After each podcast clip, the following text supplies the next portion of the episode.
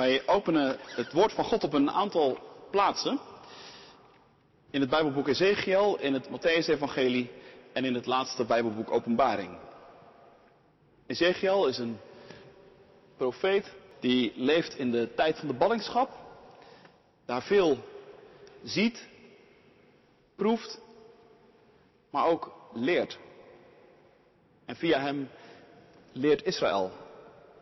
En via Israël leert de kerk. Wij horen het woord van God, Ezekiel 40, vers 1 tot 4 en dan hoofdstuk 43. Op de tiende dag van de maand, aan het begin van het 25ste jaar van onze ballingschap, het veertiende jaar na de val van de stad, op precies die dag werd ik, Ezekiel, door de hand van de Heer gegrepen en weggevoerd. In een goddelijk visioen bracht hij mij naar Israël en zette hij me neer op een heel hoge berg. Aan de zuidkant was iets gebouwd dat op een stad leek. Hij bracht me erheen. En in de poort stond een man die eruit zag alsof hij van brons was. Deze man had een linnen koord en een meetstok in zijn hand. En hij zei tegen mij, Mensenkind, kijk nauwkeurig toe. Luister aandachtig en let goed op bij alles wat ik je zal laten zien. Want je bent hierheen gebracht om dit te zien te krijgen. Alles wat je ziet, moet je aan de Israëlieten vertellen. En dan wordt er van alles en nog wat aan Ezekiel laten zien. Hij ziet een tempel verschijnen. Die wordt zeer gedetailleerd beschreven in de hoofdstukken die dan volgen. En dan gaan wij verder in 43, vers 1 tot en met 12. Toen nam die man mij mee naar de Oostpoort en daar vanuit het oosten zag ik de God van Israël in al zijn luister verschijnen. Met een geluid als het gebulder van de zee en de aarde straalde ervan. Wat ik zag leek op wat ik had gezien toen ik de verwoesting van de stad zag. En op wat ik had gezien bij het Kebarkanaal en ik wierp me voorover op de grond. De luisterrijke verschijning van de Heer ging door de oostpoort de tempel binnen. En toen hief een geest mij op en bracht me naar de binnenhof. En ik zag dat de tempel vol was van de luister van de Heer. Toen werd er vanuit de tempel tegen mij gesproken, terwijl de man naast mij stond. Mensenkind, zei hij, dit is de plaats van mijn troon, de plaats waar ik mijn voeten zet. Hier zal ik voor goed blijven wonen te midden van de Israëlieten. Het volk van Israël zal mijn heilige naam nooit meer bezoedelen. Zij, noch hun koningen, niet met hun ontrouw en niet met de lijken van hun koningen in hun tombes. Ze plaatsten hun drempel naast mijn drempel en hun deurpost naast mijn deurpost. Alleen een muur stond er tussen ons in en ze bezoedelden mijn heilige naam met hun wangedrag en daarom heb ik hen in mijn woede vernietigd.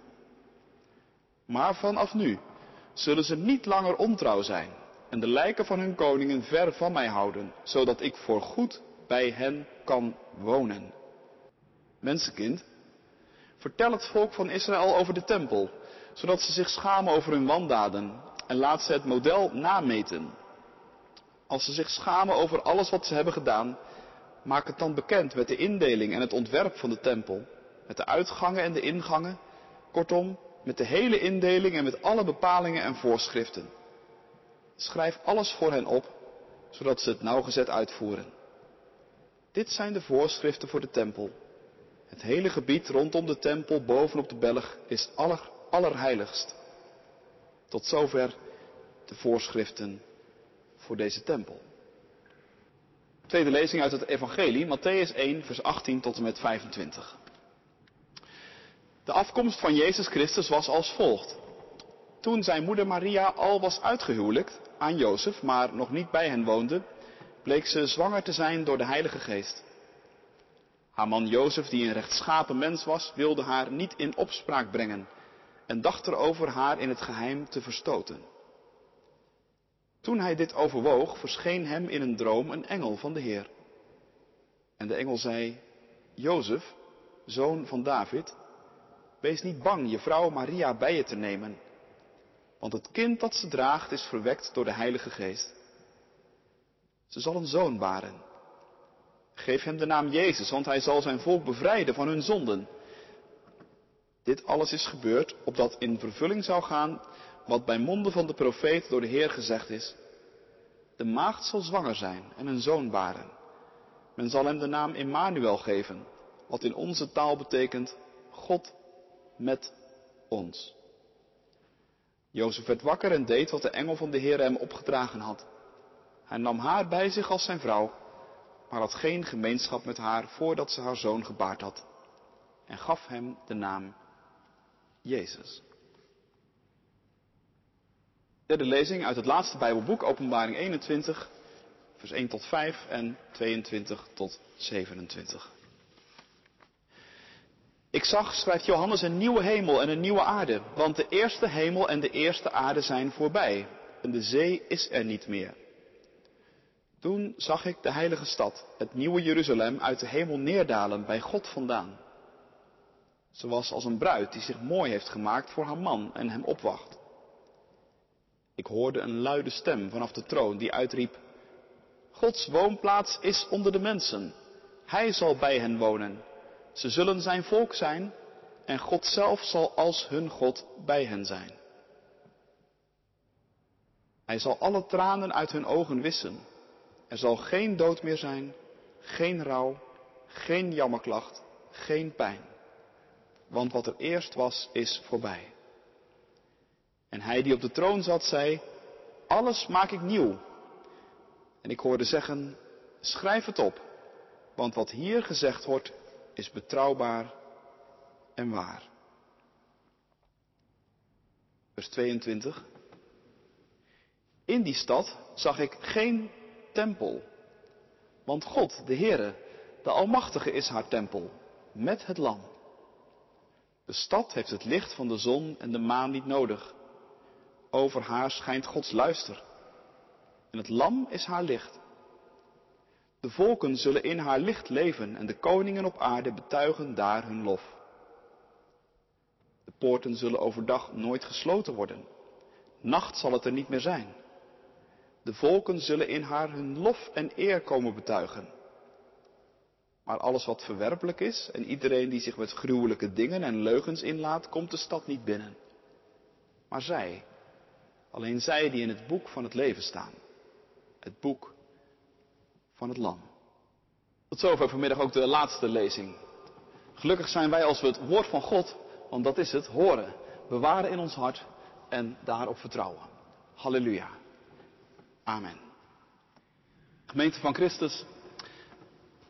Het is alweer zo'n twintig jaar geleden dat Geert Mak een boek schreef dat in korte tijd heel bekend werd.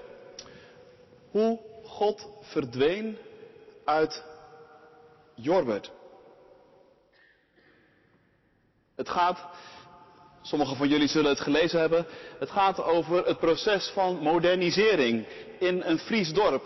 Een proces dat zich niet alleen daar, maar op talloze andere plekken in ons land en in ons werelddeel in min of meer dezelfde tijd voltrok. Het paard werd afgeschaft en er kwam een trekker voor in de plaats. Koeienmelken ging met de melkmachine. Kinderen gingen na de basisschool studeren en lang niet meer allemaal werken op de boerderij of in de huishouding. Er kwam radio, er kwam tv en, schetst Geert Mak, zo werd Jorwert een heel ander dorp.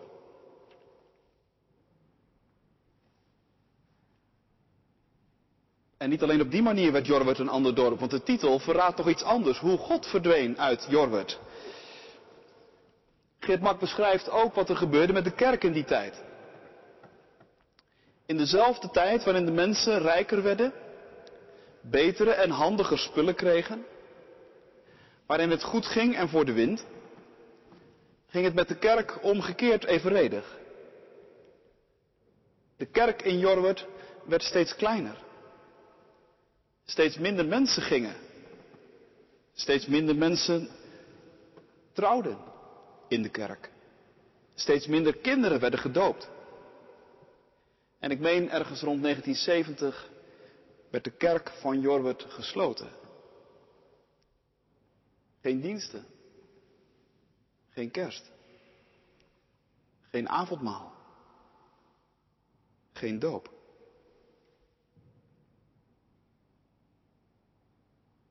En Jorwert Jorwert staat model voor wat op heel veel plekken gebeurde. Ook hier in Utrecht. Tussen twee haakjes. Zal God ook uit Utrecht definitief kunnen verdwijnen? Zou je je kunnen voorstellen dat wij hier ook op een dag voor het laatst het licht uitdoen en de deur dicht? Dat we geen kerst meer vieren.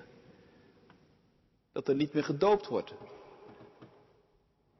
Dat er geen kinderen meer zijn. Dat er geen avondmaal wordt gevierd. Geen verkondiging meer in deze kerk. Zou dat kunnen?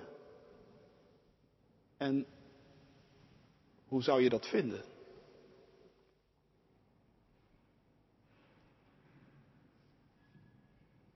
Nou, zeg niet te snel dat het niet kan.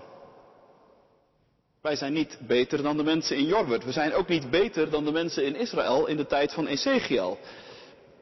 Ezekiel leefde in een tijd waarin de Heere God zichzelf terugtrok uit de tempel van Jeruzalem. En dat was wel het laatste waar de mensen ooit rekening mee hielden.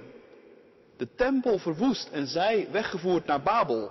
Ondenkbaar, maar toch gebeurde het. Maar was God daarmee ook verdwenen? Is God verdwenen als de tempel in Jeruzalem verwoest is? Is God verdwenen als de kerk in Jorwert of in Utrecht dichtgaat? Dat is natuurlijk wel een spannende vraag. En ik denk dat het Bijbelboek Ezekiel in de Bijbel staat om ons te leren dat het antwoord uiteindelijk op die vraag nee is. God kan zich zeker terugtrekken. En dat is een drama. Als God niets van zich laat horen, niets van zich laat merken en je hebt het idee, ik sta moederziel alleen voor. Als alles waar je je aan vasthield zomaar wegvalt. Als een tempel verwoest wordt, een kerk dichtgaat, als een gemeente ophoudt te bestaan, dan is dat om te huilen. Maar het betekent, God zij dank, nog niet dat God verdwenen is. Dat is denk ik het grote thema van het Bijbelboek Ezekiel. Ezekiel leert in de ballingschap, Israël leert in de ballingschap dat God groter is, mysterieuzer, dan dat zij altijd dachten. Ze leren bijvoorbeeld dat God niet aan één bepaalde plaats gebonden is, zoals Israël wel dacht. God zit niet opgesloten in een smalle landstrip aan de Middellandse zeekust. Niet opgesloten in een gebouw of in een stad. Israël leert wat Jezus later ook zegt. Dat de geest van God komt en gaat. En dat je zijn geluid hoort. Maar dat je niet weet van waar hij komt en waar hij naartoe gaat. Dat God zijn ongekende gang gaat, vol donkere majesteit. En juist die tijd van de ballingschap, dat werd voor de mensen van Israël een tijd waarin zij kanten van God en van zichzelf leerden kennen die ze zo nog niet eerder hadden ontdekt.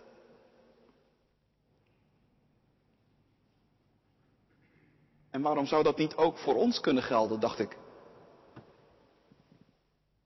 Waarom zouden juist niet tijden van teruggang en achteruitgang, tijden waar, waarvan je soms denkt dat God op steeds meer plekken verdwijnt, waarom zouden dat niet ook tijden kunnen zijn waarin Hij juist ons belangrijke dingen wil leren? Dingen over Hem. Dingen over onszelf.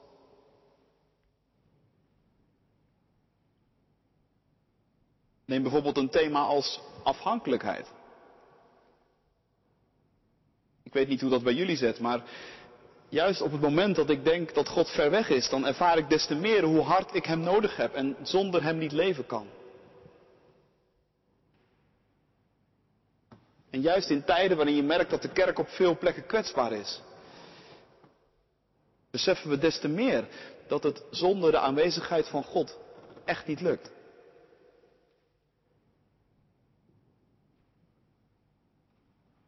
Of een ander thema. Geduld. Wachten op God. Er zit zoveel haastigs in ons. We werken hard, we krijgen veel voor elkaar. Maar voor je het weet wordt het een moordend patroon. En verwachten we van de Heere God precies hetzelfde. Dat Hij ons altijd zomaar op onze wenken bedient. En dat je de dingen, ook in de kerk, ook in je eigen leven met God, zomaar naar je hand kunt zetten. En geduld opbrengen. Geduld met jezelf. Met een ander. Met de Bijbel. Met een moeilijke situatie. Dat wordt steeds ingewikkelder voor ons.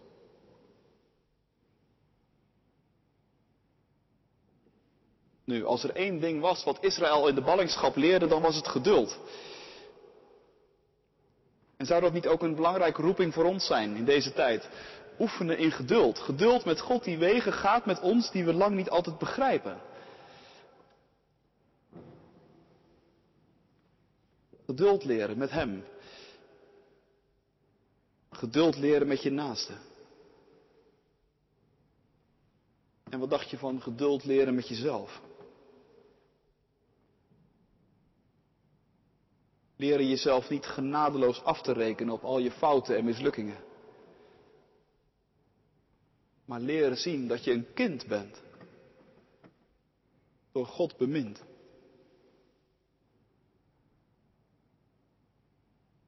En geduld oefenen, dat wordt altijd beloond. Schrale en dorre tijden worden adventstijd. Dat is de boodschap van de tweede helft. Met name de laatste hoofdstukken van het Bijbelboek Ezekiel. Bijvoorbeeld hoofdstuk 40 en 43.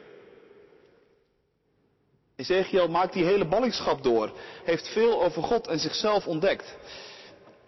Maar hij heeft ook dat beroemde visioen van die dorre doodsbeenderen gezien. Met de vraag of het ooit nog wat zou worden.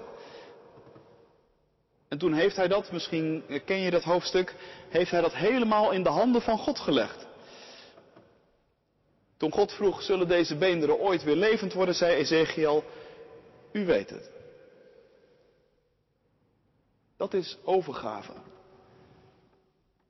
Dat is geduld oefenen. En in deze hoofdstukken wordt dat geduld van Ezekiel, om het zo te zeggen, beloond.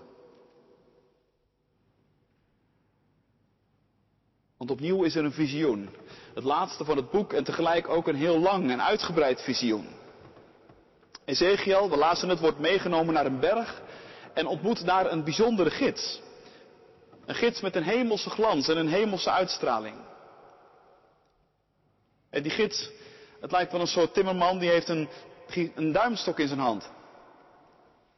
En stap voor stap, meter voor meter, wordt Ezekiel langs een gigantisch bouwcomplex geleid. Drie hoofdstukken lang, 40, 41, 42, wordt elke poort, elke deurpost, elke muur, elke kamer, elk raam, elke ruimte opgemeten en aan Ezekiel getoond. En als priester heeft Ezekiel het al snel door. Dit is een tempel. Dit is een prachtige, volledig symmetrische volmaakte tempel. En het kan niet anders of Ezekiel is opgeveerd tijdens het zien van dit visioen. Een prachtige, nieuwe, volmaakte tempel. Dat is het beste wat je als priester krijgen kunt. Want dat betekent dat God zich niet langer verbergt. Dat hij niet langer verdwenen is uit Jeruzalem. Maar dat hij terugkomt. En dat hij zijn oude, verwoeste woonplaats weer in ere herstelt.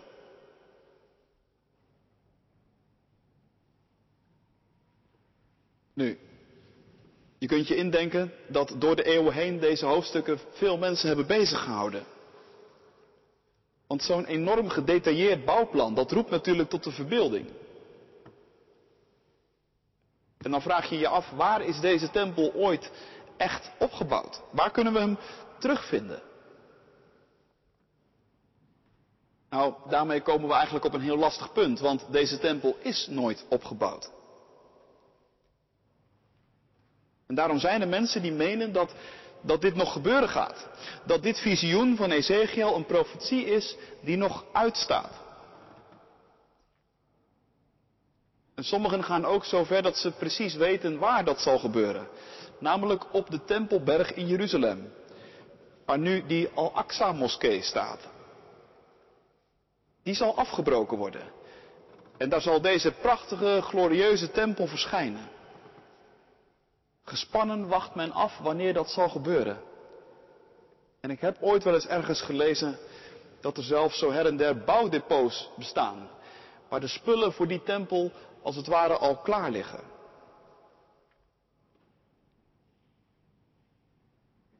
Maar in alle eerlijkheid geloof ik toch niet dat je deze hoofdstukken zo moet lezen.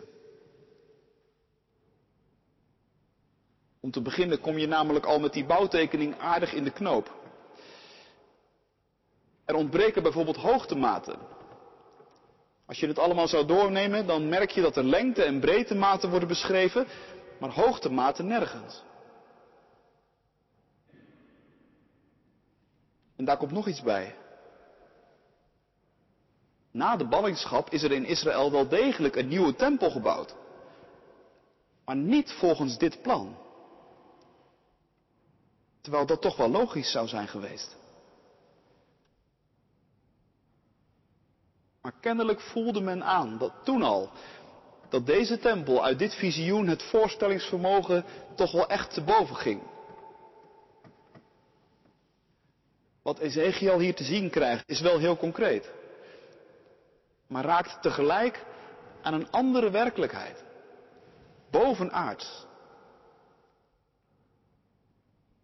Het gaat hier denk ik dus ook niet om een letterlijke tempel.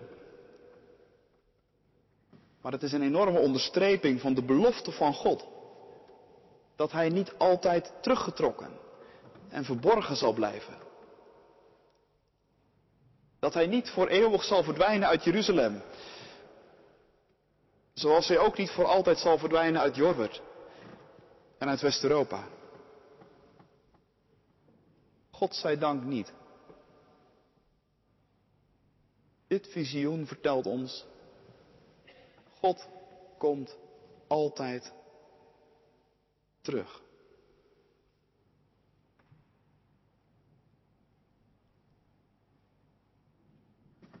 En hangt dat nu samen met een gebouw? Is God gebonden aan gebouwen? Ik denk ja en nee. Zeker, de Heere God kan gebouwen gebruiken en er is alle reden om Hem te danken voor plekken zoals deze. Plekken waar al zo lang wordt geloofd en gezongen en gelezen en gebeden, verkondigd en gedoopt. Maar een gebouw is geen garantie. En ook geen voorwaarde. En een gebouw is ook niet God zelf. Kijk maar in Ezekiel 43. Als Ezekiel dat hele complex gezien heeft, dan heeft hij God nog niet gezien. In het visioen komt dat pas later. Misschien dat Ezekiel zelfs wel even teleurgesteld geweest is. Zo'n mooie tempel, maar de geest van God nog steeds niet te bekennen.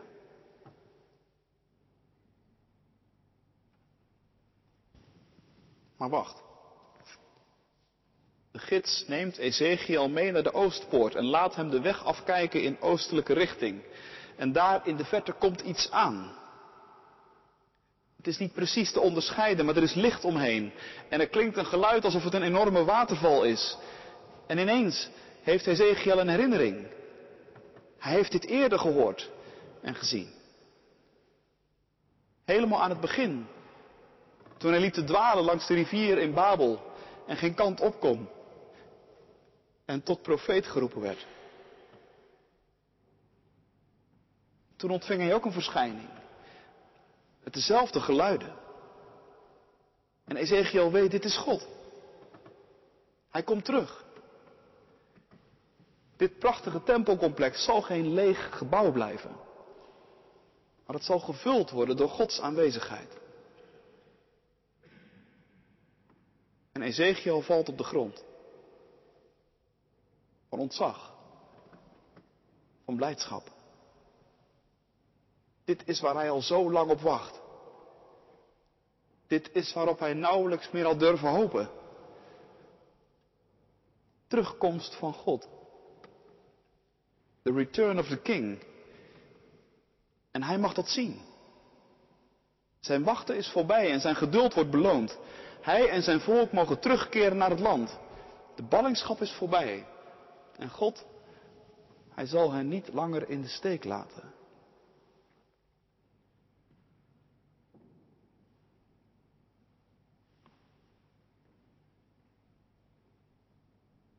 Nu maken we even een grote stap. Het is inmiddels eeuwen later. En ergens in Israël is een vrouw zwanger geraakt. Haar verloofde vertrouwt het niet. Hij weet zeker dat hij de vader niet is, maar wie dan wel? Dan krijgt hij op een nacht bezoek. Er staat net als bij Ezekiel een hemelse gids naast hem. En die zegt, niet bang zijn, Jozef. Dit is geen misselijk spelletje. Nee, in jouw verloofde is God aan het werk. Jij gaat terugkeer van God, de return of the king meemaken. Laat het allemaal maar over je heen gaan. Maar weet één ding. Hier gaan oude beloften in vervulling. God heeft het eeuwen geleden al tegen Jezaja gezegd. Er zal een maagd zwanger worden en een zoon ter wereld brengen. Immanuel zal hij heten, God met ons. En hij zal de nieuwe tempel zijn. Hij zal de plek zijn waar de hemel de aarde raakt. En met zijn eigen leven zal hij het offer van alle offers brengen. De tempel van zijn lichaam zal worden afgebroken. Maar binnen drie dagen herrijzen. Want God komt altijd terug.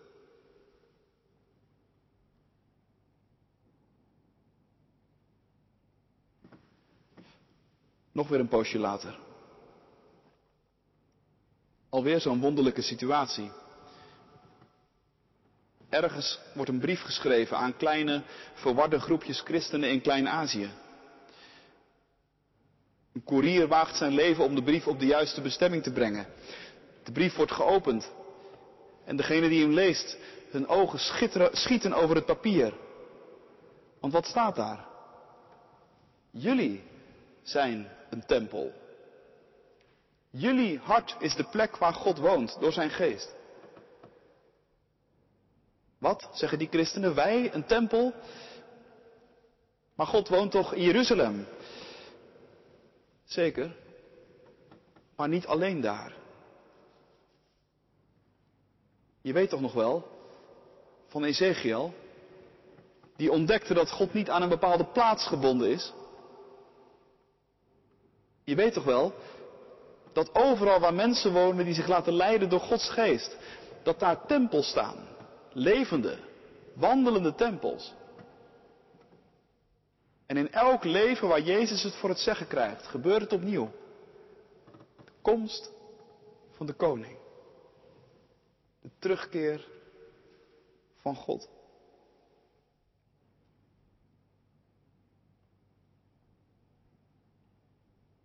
Nu ja. Ik denk dus dat we het visioen van Ezekiel het meeste recht doen als we er verschillende lagen in zien. God komt altijd terug. Dat is de kernboodschap. Hij zocht zijn volk in ballingschap op en liet het terugkomen. Er kwam een nieuwe tempel. Maar perfect? Nee, dat werd het nog altijd niet. De volmaakte tempel was Jezus zelf. In Hem raken de hemel en de aarde elkaar op een manier zoals dat nog nooit eerder vertoond was. In Jezus woont God zelf onder de mensen. En daarna wordt het Pinksteren. Dan merken we dat de geest van God zelfs niet opgesloten zit in Jezus, maar dat hij de hele wereld overgaat. En dat overal gemeentes ontstaan. En dat overal mensen zijn die zich omkeren, die hun hart aan Jezus geven. En zo zelf een tempel worden waar God woont door zijn geest. Tot hier in Utrecht toe.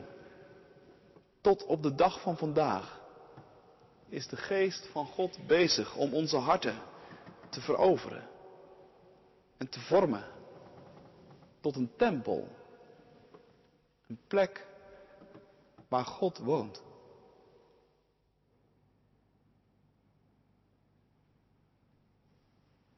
Verschillende lagen dus, denk ik, in dit visioen. Het gaat vanuit Israël naar Jezus en zo naar de Heilige Geest. En zo bereikt dat visioen van Ezekiel een steeds diepere vervulling. Eén vervulling staat overigens nog uit. Daar wachten wij nog op. Dat is de voltooiing.